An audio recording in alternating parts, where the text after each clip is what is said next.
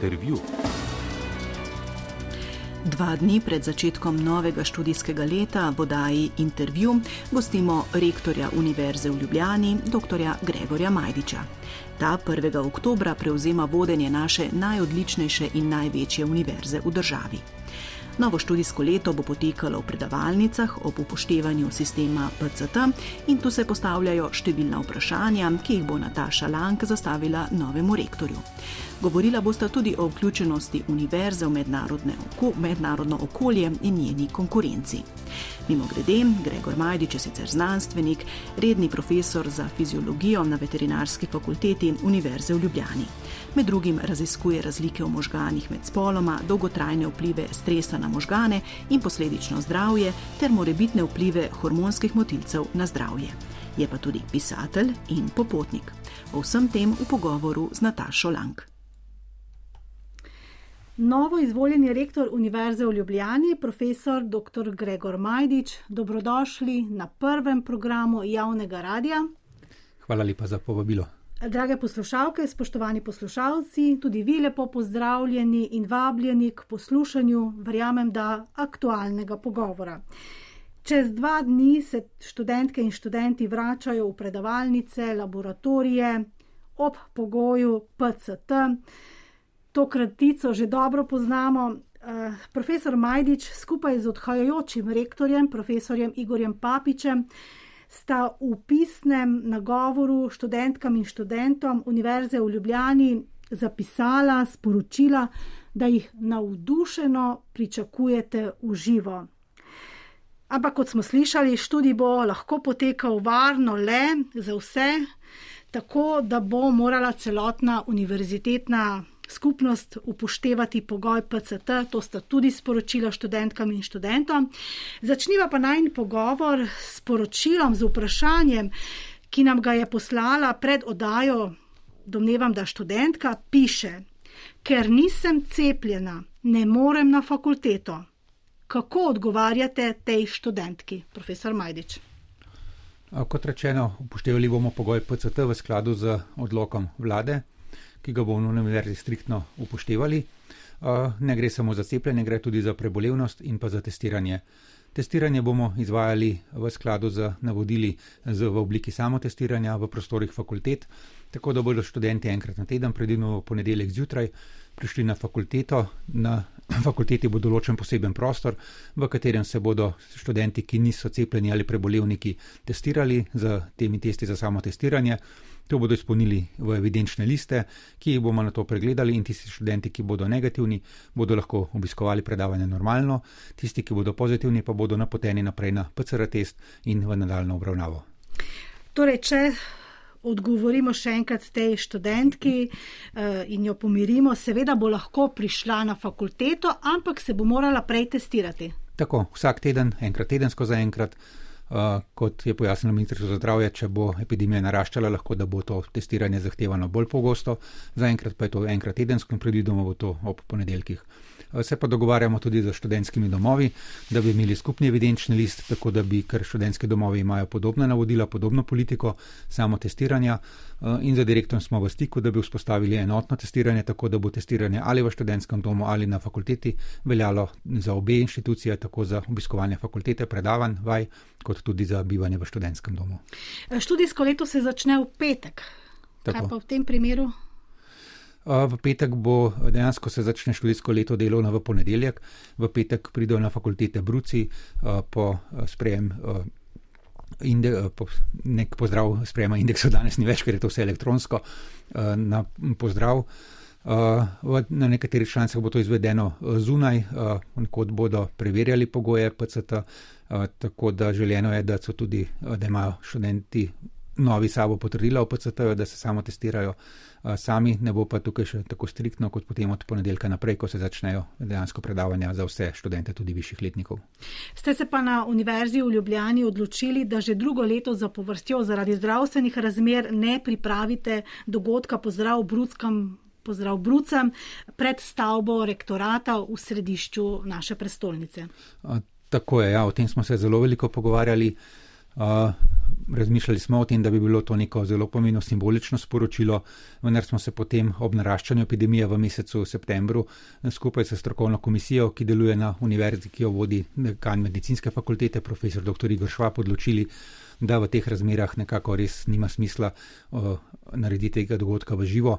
Vsekakor pa upamo, da bo naslednje leto, da bomo spet nazaj v normalno. Vrniva se k preverjanju pogoja PCT. Kako bo potekalo to preverjanje eh, tega pogoja na vratih eh, posamezne fakultete? Kako? In kdo bo to preveril? To fakultete urejajo eh, nekako posamezne, v nekaterih fakultetah to preverjajo varnostniki oziroma vrtari na vratih, kjer jih že imajo. Na nekaterih fakultetah bodo zato najeli študente preko študentskega servisa. Preverjanje pa bo potekalo na enak način kot posod druge z aplikacijo NIJZ na telefonu ali na tabličnih računalnikih, kjer se bo skenirala QR koda. To seveda velja za tiste, ki imajo potrdilo o prebolevnosti ali o cepljenosti, za tiste, ki pa se bodo morali samo testirati, pa bomo pač fizično gledali evidenčne liste.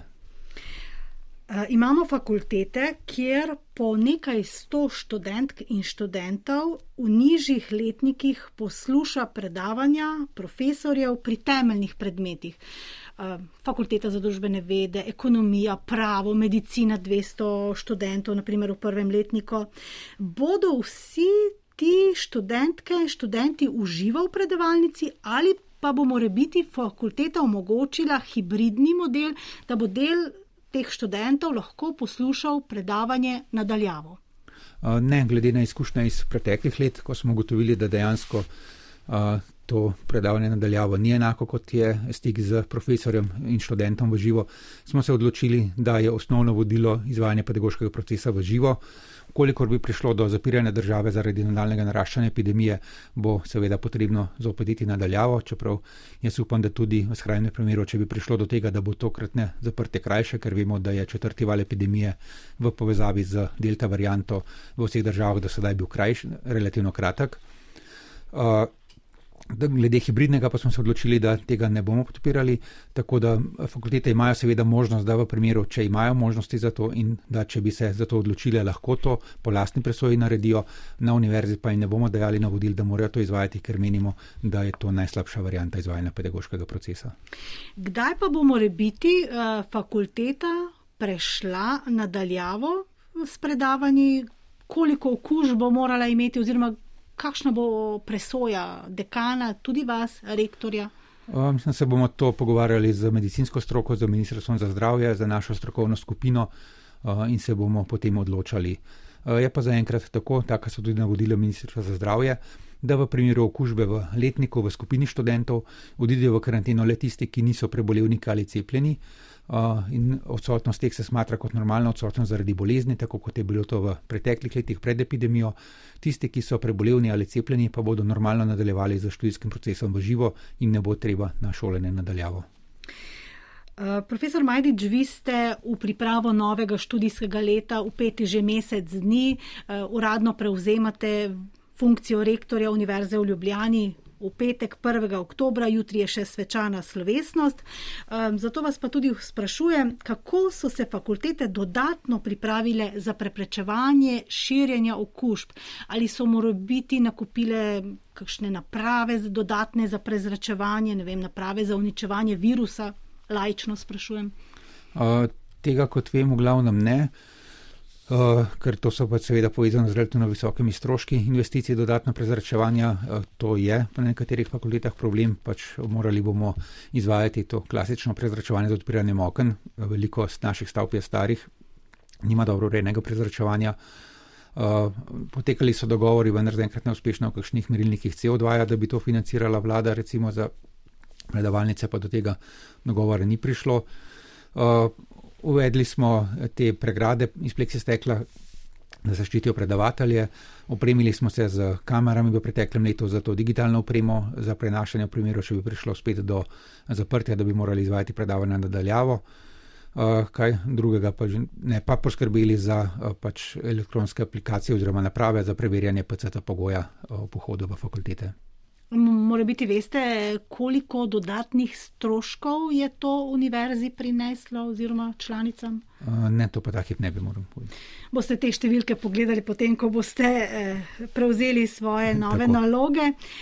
Uh, profesor Majdič, zakaj je tako pomembno, da se študentke in študenti res vrnejo nazaj na fakultete, torej v prostore, da poteka študijski proces v živo?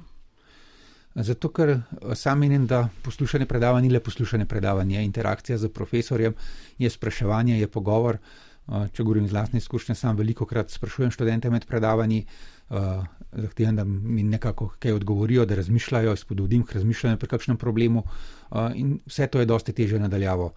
Vemo tudi dosti krat, da se študentje, ko je poteka nadaljavo preko Zuma, izklopijo kamero, marsikdo tudi ne želi pokazati svojega intimnega okolja, domačega okolja, kar je posebno razumljivo. In zato je ta interakcija zagotovo otežena.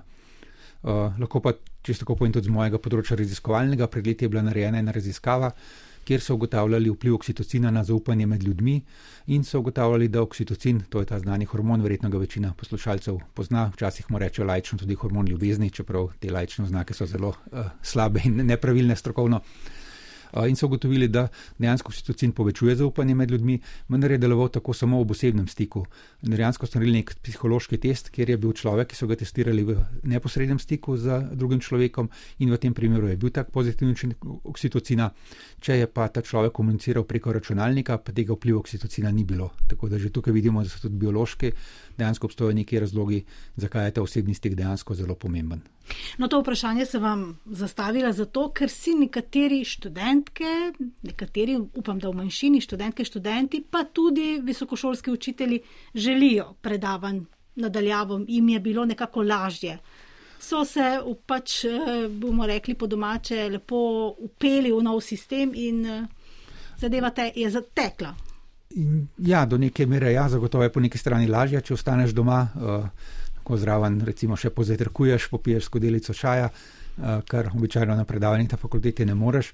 Ampak, kot rečeno, mislim, da velika večina študentov si želi nazaj na fakultete, uh, tudi profesorjev, želimo imeti stik s uh, študenti, sploh pa na fakultetah, kot so recimo, tako kot je recimo naša fakulteta, veterinarska, medicinska, pa ne tudi družboslovne, je pomembno, da obstoja tudi delo v manjših skupinah, kjer se skupinsko reševanje problemov na nekih vajah in podobno, in to je pa skoraj nemogoče izvajati nadaljavo.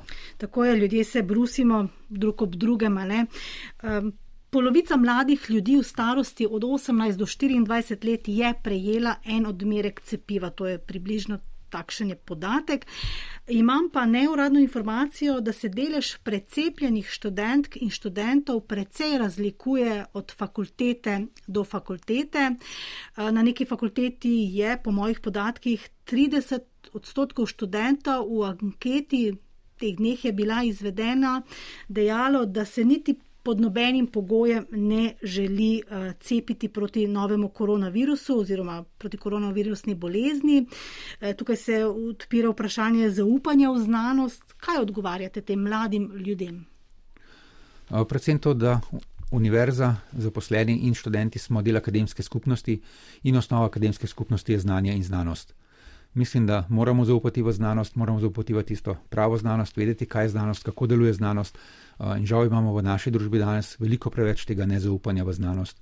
To se nam kaže tudi v tem, kako deluje naša družba, tudi v spopadu z epidemijo. Če pogledamo nekatere druge primere, recimo Danska, kjer imajo 90% precepljenost med vsemi prebivalci starejšimi od 13 let, ne samo od 18 let, so lahko začeli ukinjati epidemiološke ukrepe, ker dejansko tam nima več težav z boleznijo COVID. Pri nas je ta precepljenost dosti nižja in zaradi tega moramo še vedno poštevati različne ukrepe. Eh, žal bolezen ni tako nedolžna, kot nekateri skušajo prikazati. Umirajo tudi mlajši ljudje, zdravi ljudje. Sam poznam nekaj primerov, ko so umrli ljudje, recimo moje starosti, eh, zdravi, brez kakšnih pridruženih bolezni. Številni ljudje imajo dolgotrajne posledice, tudi mlajši ljudje zaradi COVID-a. Tako da to nikakor ni res, kar se prikazuje pogosto na družbenih omrežjih, da je to samo neka gripa. Eh, študente in zaposlene, pač zaposlene tukaj tako mislim, da uh, ni težav, ker precepljenost na univerzi je vsaj 85, verjetno pa celo nad 90 odstotna, kar mislim, da je zelo odlično in sem zelo ponosen na vse svoje sodelavce. tudi pri študentih pa nekako pričakujem, da skupaj zaupamo v znanost in da na ta način pomagamo tudi družbi. Ko govorimo o zaupanju v znanost, se tudi lahko vprašamo, ali verjamemo v podnebne spremembe, če ne zaupamo znanosti ali kakšnim drugim procesom v družbi. Seveda, vse, vse to je del istega procesa, ne samo podnebne spremembe, pa zaupanje v cepljenje. Če greva naprej, še tudi ploščata Zemlja.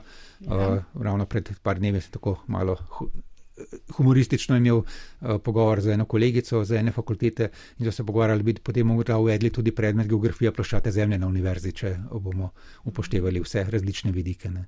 Čeprav zdrav dvom v znanost mora biti. Absolutno, znanost ni slepa, tako kot se je dosti krat danes očita. Ne? To je bilo mogoče tudi premalo krat podarjeno. Na začetku epidemije se je govorilo, vse vidite, znanost ne deluje, ker skozi spreminja svoje stališče. To je znanost, znanost ni dogma, znanost se vse čas uči, nikoli ne zaupa temu, kar ve. In to je osnovno načelo znanosti. Zaradi tega se stvari spreminjajo, zaradi tega se stalno popravljajo izsledki. Ko je prišel ta virus, nismo o njem vedeli ničesar. Potem smo se postopoma učili in skladu s tem smo ugotovili, marsikaj, kako postopati s tem virusom. In zaradi tega so se tudi ukrepi spremenjali. Je pa res verjetno, da bi lahko bilo komuniciranje ukrepov v Sloveniji boljše, uh, na nek način bolj strokovno, da bi ljudje raže, lažje temu sledili. Uh, mislim pa, da ni to osnovni problem, da osnovni problem je splošno nezaupanje v znanost, ki ga vidimo v današnji družbi. Profesor Majdič, pred uh, univerzo, pred vami kot rektorjem, vašimi kolegi je torej izjemno zahtevno študijsko leto, zlasti jesen in zima bosta zahtevna. Ehm, to vam bo eh, vzelo precej energije, ukvarjanje z epidemijo, z obladovanjem epidemije. Kdaj pričakujete, tudi na podlagi vaših eh, znanstvenih dognanj, ste naravoslovec, eh, veterinar in še marsikaj bi lahko dejala, kdaj torej pričakujete, da se bo življenje vrnilo v ustaljene tirnice? Predkoronske tirnice, ali se bomo sploh vrnili v predkoronske tirnice? Uh, vsekakor mislim, da se bomo vrnili slejko prej. Uh, v osnovi no, v interesu virusa ni to, da nas ubija, v interesu virusa je, da se čim boljše razmnožuje in to najlažje naredi, če povzroči neko blago obolenje, da mi kihamo, kašljamo in na ta način virus širimo naprej. Uh, virus, ki ubije svojega gostitelja, se pravi človeka, se ne more več širiti naprej, zato je to nekakšna slepa pot. Uh, tako da slejko prej bo prišlo do te prilagoditve med virusom in ljudmi, in ta virus bo postal podobno kot so v preteklosti postali različni virusi, manj škodljiv in bo verjetno izvenil v neko običajno obliko prehlada, morda tako kot gripa, ki ima v hudih. Uh, sezonah lahko tudi kar nekaj ljudi, predvsem starejših, umre zaradi nje, uh, ne pa tako tragičnih posledic, kot je COVID, ko dejansko se zasedajo bolnice. Uh, kdaj se bo to zgodilo, je težko napovedovati. Uh, S cepljenjem lahko ta proces zagotovo pospešimo, tako kot so to naredili že prej na omenjeni Danski, pa delno tudi v Veliki Britaniji, na Švedskem, ki je zanimivo, zdaj nihče več ne daje za zgled, tako kot pred enim letom. Uh, ko vidimo tudi na Švedskem, mislim, da je precepljenost zdaj že blizu 80 odstotkov. Uh, če tega ne bomo naredili, se bodo verjetno pojavljali še vali, ta val delte variante bo verjetno uh, najkasneje do spomladi, po mojem, pa že nekoliko prej izvenel, ker delta je zelo nalezljiva in se zelo hitro širi med populacijo. Potem bo pa odvisno seveda od tega, ali se bodo pojavljale nove različice ali ne, to pa je izjemno nehvaležno napovedovati. Če bo dovolj prebivalcev precepljenih, da bomo s tem onemogočili širjenje virusa, Eh, pojavljanje novih mutacij bo uh, hitreje izvenel, če bo premalo populacije po celem svetu precepljene, potem se bo lahko virus lahko še naprej širil, pojavljale se bodo nove mutacije, ki nas bodo lahko potencialno ogrožale. A mimo grede, Univerza v Ljubljani bo organizirala cepljenje za študentke in študente. Tako, to bo naslednji teden. Organizirali bomo pa tudi dva pogovora, enega študentov s študenti, enega pa. Eh, nekaj uglednih profesorjev, sodelovali bomo eh, profesor Ihan z medicinske, profesor Avšičeva, profesor Zagorc za pravne fakultete, eh, profesor Vidmar Horvat kot sociologinja in pa jaz in bomo odgovarjali študentom na vse njihove dileme povezane s cepljenjem. Od takih stvari, kot so ali cepljenje res povzroča neplodnost, kar je recimo veliko se pojavlja pri študentih in vidimo, kako lahko ena taka nepremišljena izjava, kako dolgoročne posledice ima, kljub temu, da je bila omaknjena, da je zdravnik sam priznal, da je napačno interpretiral neke izjave iz tujine. Eh, pa še danes, mislim, da okrog 24% študentov pravi, da se ne bi cepili ravno zaradi tega, ker mislijo, da cepivo povzroča neplodnost. Profesor Majdič, eh, premakniva naj pogovor naprej, malce izven uh, koronavirusnega uh, koronavirusa. Uh, katere naloge, katerih nalog se boste lotili še kot rektor? Upajmo, da vam bo ostalo kaj časa, da se ne boste vse čas ukvarjali z epidemijo. Nabor nalog je velik, kot izhaja iz mojega programa že. Če začnem kar pri prvi, ki smo se jo že lotila v tem pogovoru, zaupanje v znanost, zaupanje v znanje. Mislim, da moramo tukaj spet družbo vzpostaviti. Govorimo dosti krat o družbi znanja, pa se včasih veliko vprašam, ali smo res družba znanja in mislim, da moramo to spremeniti. Mislim, da imamo kot družba velik problem, ne samo slovenska, to je splošen problem. Internet, družbena omrežja so prinesla ogromno koristi, hkrati pa tudi uh, marsikaj slabega, predvsem to hitro kroženje lažnih informacij, nepravilnih informacij. In mislim, da bomo tukaj morali začeti z spremembami v izobraževalnem sistemu, da bomo morali že otroke v osnovnih šolah učiti, kaj je to kritično razmišljanje in kako kritično pogledati informacije, kaj je strokovnost, kako prepoznati strokovnost od nestrokovnosti. In tukaj vidim tudi veliko vlogo univerze. Že zdaj pa mislim, da se mora univerza veliko bolj kot do sedaj oglašati pri uh, različnih družbenih in znanstvenih problemih, pojasnjevati znanost ljudem, jih izobraževati, pa tudi sporočati svoje dosežke. Tako da to bo eno, ta večja družbena angažiranost bo zagotovo eno od vodil mojega dela. Drugo je večja povezava med članicami. Uh, vsekakor bi si želel, da postanemo bolj povezana univerza, da več sodelujemo. Svet se danes srečuje z kompleksnimi problemi, rešitev takih problemov so samo v sodelovanju. Tudi v recimo pri bolezni COVID vidimo, da smo mogoče preveč enostransko jemali to epidemijo, ker nismo več navajeni, eh, kako ravnati v epidemijah. Eh, to zagotovo je primarno medicinski problem, ni pa samo medicinski problem, je zelo velik družboslovni, humanistični problem in tukaj bi morali bolj sodelovati med strokami, da bi ustrezno naslovili eh, prebivalstvo, ga izobražili in mu pokazali, kako v borbi z epidemijo. Ena od pomembnih točk je tudi trajnostni razvoj. To je zelo pomembno. Vemo, da klimatske spremembe so realnost. Sam, za, ker tudi rad potujem, uh, sem imel priliko videti, kaj se dogaja v Južni Afriki, kakšne suše so tam, uh, poplave v Združenih državah in v nekaterih delih Azijah, ki se danes že dogaja, v Sloveniji žal, te, ne, žal na srečo tega še ne občutimo, tako da nimamo pravega občutka, kaj se dogaja po svetu, so pa dejansko že velike spremembe. In tukaj mislim, da moramo vsi nekaj narediti. Na Univerzi v Ljubljani smo že čez poletje se s kolegi pripravljali eh, prijavo na razpis za obleženje trajnostnih sprememb, eh, da bomo pripravili strategijo trajnostne mobilnosti na Univerzi, eh, tudi z nekaterimi investicijami v recimo nove kolesarnice, polnilnice za e-kolesa, za e-skiroje. Upamo, da bomo uspeli na tem razpisu, ker bi bil to lahko en tak dober začetni korak v to, da bi spremenili tudi mobilnost zaposlenih na Univerzi in pa tudi študentov. Seveda, lotiti se moramo nalog, ki so ostale še v teku. Eno od teh je urediti pravila glede varovanja dostojanstva. Ta pravilnik, o katerem je bilo veliko govora tudi med volitvami, še ni bil sprejet, tako da bo to ena prvih nalog, ki se bomo konkretno lotili. Torej, govorite o pravilih o varnem okolju za tako, študente in zaposlene. Tako. Vemo, da so se dogajale domnevne, domnevna nadlegovanja. Ne vemo, kaj, kako se bodo zgodbe eh, razpletle na sodišču. Eh, skratka, gre za ničelno toleranco do vsakekršnega psihičnega, fizičnega eh, nadlegovanja, zlorab študentov in zaposlenih. Tako, seveda. absolutno, ja, seveda, da se regulira samo študentih, ampak enako se dogaja tudi pri zaposlenih, tako da tukaj treba poskrbeti resnično za varno okolje za vse. In to boste uredili z novim pravilnikom? Tako, ja, v bistvu je bil en. Delno že pripravljen, vendar je uh, bilo, statutarna komisija na univerzi je menila, da ni dovolj uh, dobro pripravljen, tako da mislim, da potrebuje nekatere popravke. Tudi sam mislim tako, da je mogoče v nekaterih delih premalo dodelan, ker gre za zelo občutljivo področje, kjer so možne tudi zlorabe, lahko nekdo nekoga obtoži pokrivan, pa je to zelo težko potem oprati, tako da moramo biti zelo previdni, kako bo ta pravilnik sestavljen. No, to je torej še ena naloga, dodatna.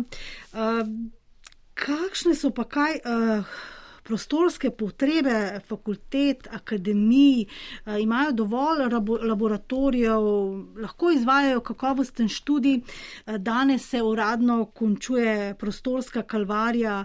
Akademije za gledališče, radio, film in televizijo. Gre za edino takšno izobraževalno institucijo pri nas in je delovala do zdaj, tako rekoč, uh, v nemogočih prostorih, sedaj pa dobiva AGRFT nove, lepe, primerne prostore. Kakšne so razmere na tem področju? Zelo različne. Nekatere fakultete imajo relativno dobre pogoje, ker imajo relativno nove zgradbe, dovolj velike. Veliko fakultet pa deluje v posebno primernih pogojih. Recimo moja matična fakulteta deluje v zgradbi, ki se dejansko podira, ki je neva, potresno nevarna, ki bi se lahko podrla ob potresu četrte ali pete stopnje, ki pa vemo, da je v Ljubljani zelo enostavno lahko pride do tega. Tudi številne druge fakultete za farmacijo, strojništvo delujeta v neprimernih pogojih v centru mesta. Tako da imamo načrte, da bomo šli tudi v gradno teh fakultet.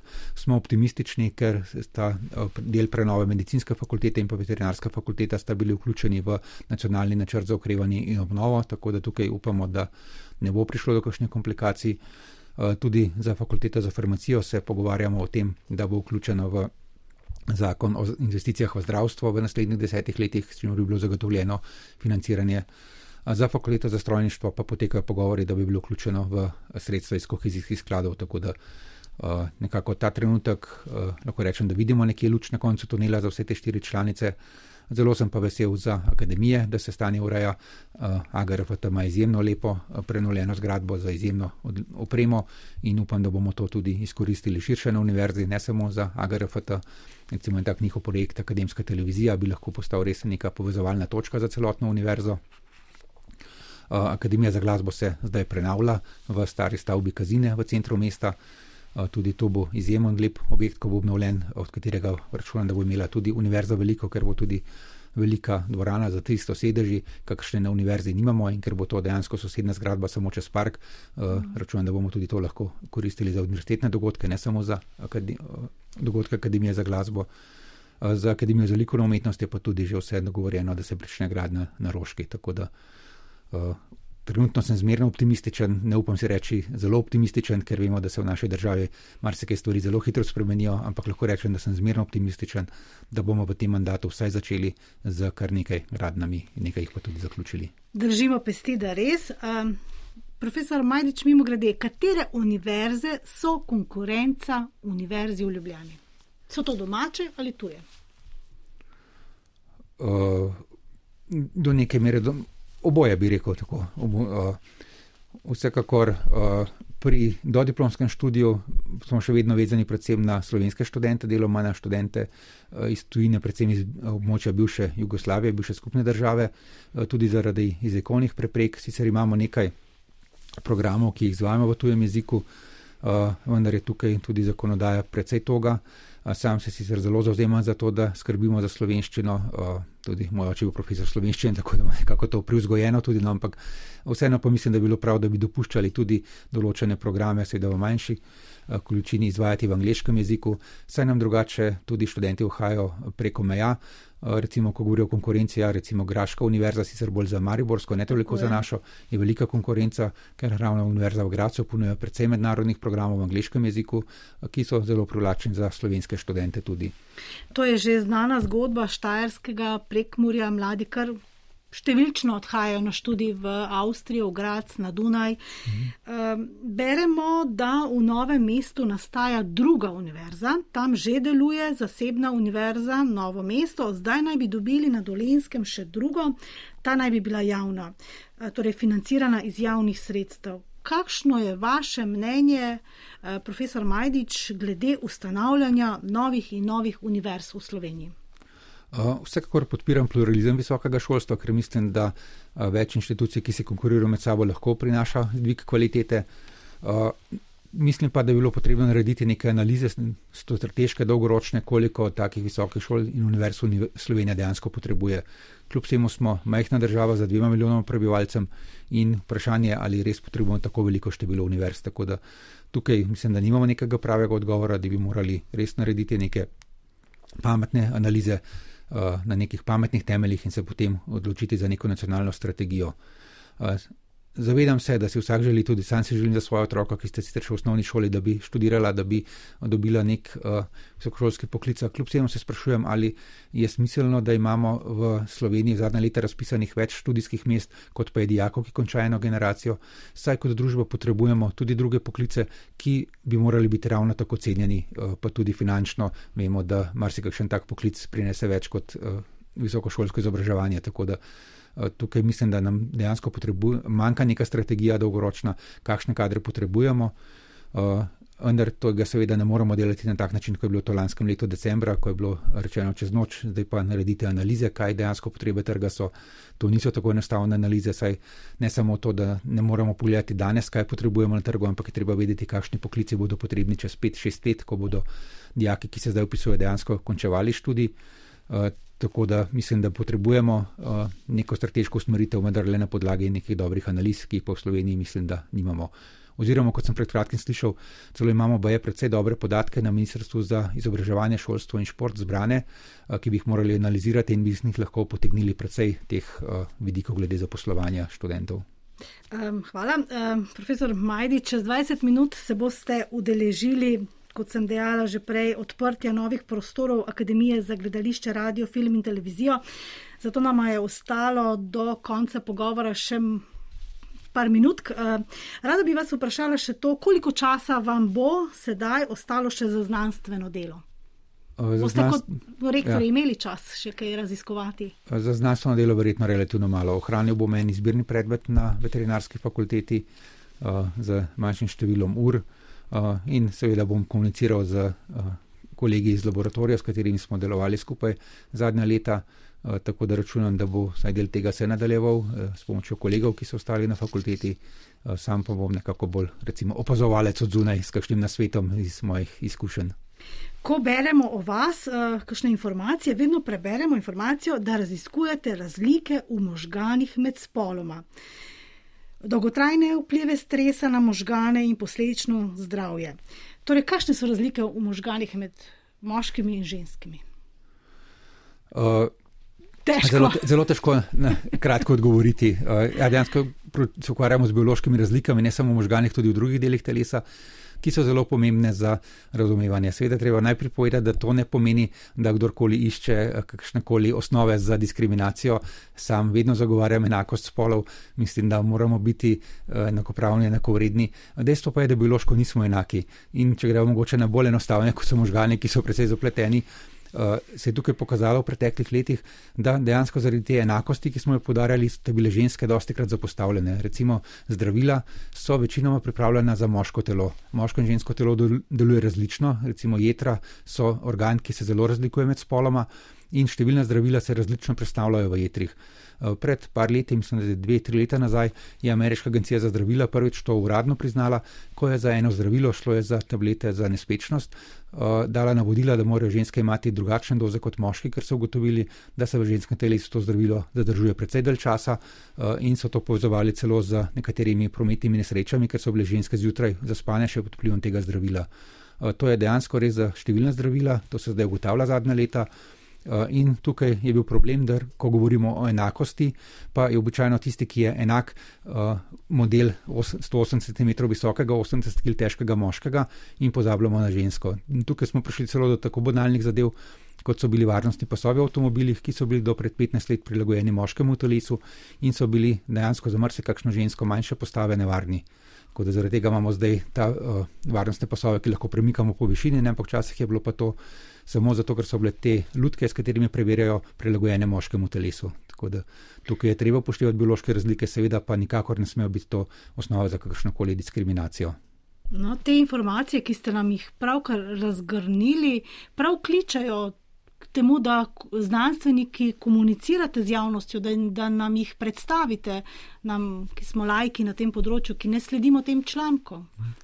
Uh, vsekakor se to trudim delati, mislim, to je res. Ja. Veliko, tako da tudi o teh zadevah že govoril po časopisih, tudi po drugih medijih. Tako da mislim pa, da je to pomembna naloga znanosti, da komunicira znanost. Tako da, kot rečeno, bomo to skušali ukrepiti na Univerzi v Ljubljani, povečati to sodelovanje, obveščati bolj javnost o tem, kaj se dogaja, kakšne odkritja so in upam, da bomo na ta način vsi skupaj, znanstveniki in ljudje, ki niso doma v znanosti, spoznali, kaj je to družba znanja, kaj je spravo znanje in na ta način skupaj boljše napredovali.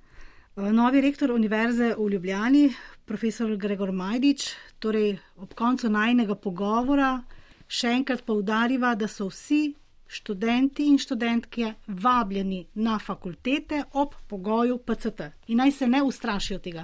Tako, absolutno. Mi se zelo veselimo, da se bo študijski proces začel v živo.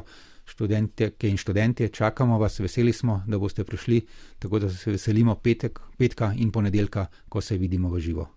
In naj se ne ustrašijo testiranja. Tako, nikakor. Drage poslušalke, spoštovani poslušalci, poslušali ste pogovor, odajo intervju z novim rektorjem Univerze v Ljubljani, profesorjem dr. Gregorjem Majdičem. Profesor Majdič, želim vam uspešno delo in dobro sodelovanje. Najlepša hvala za povabilo.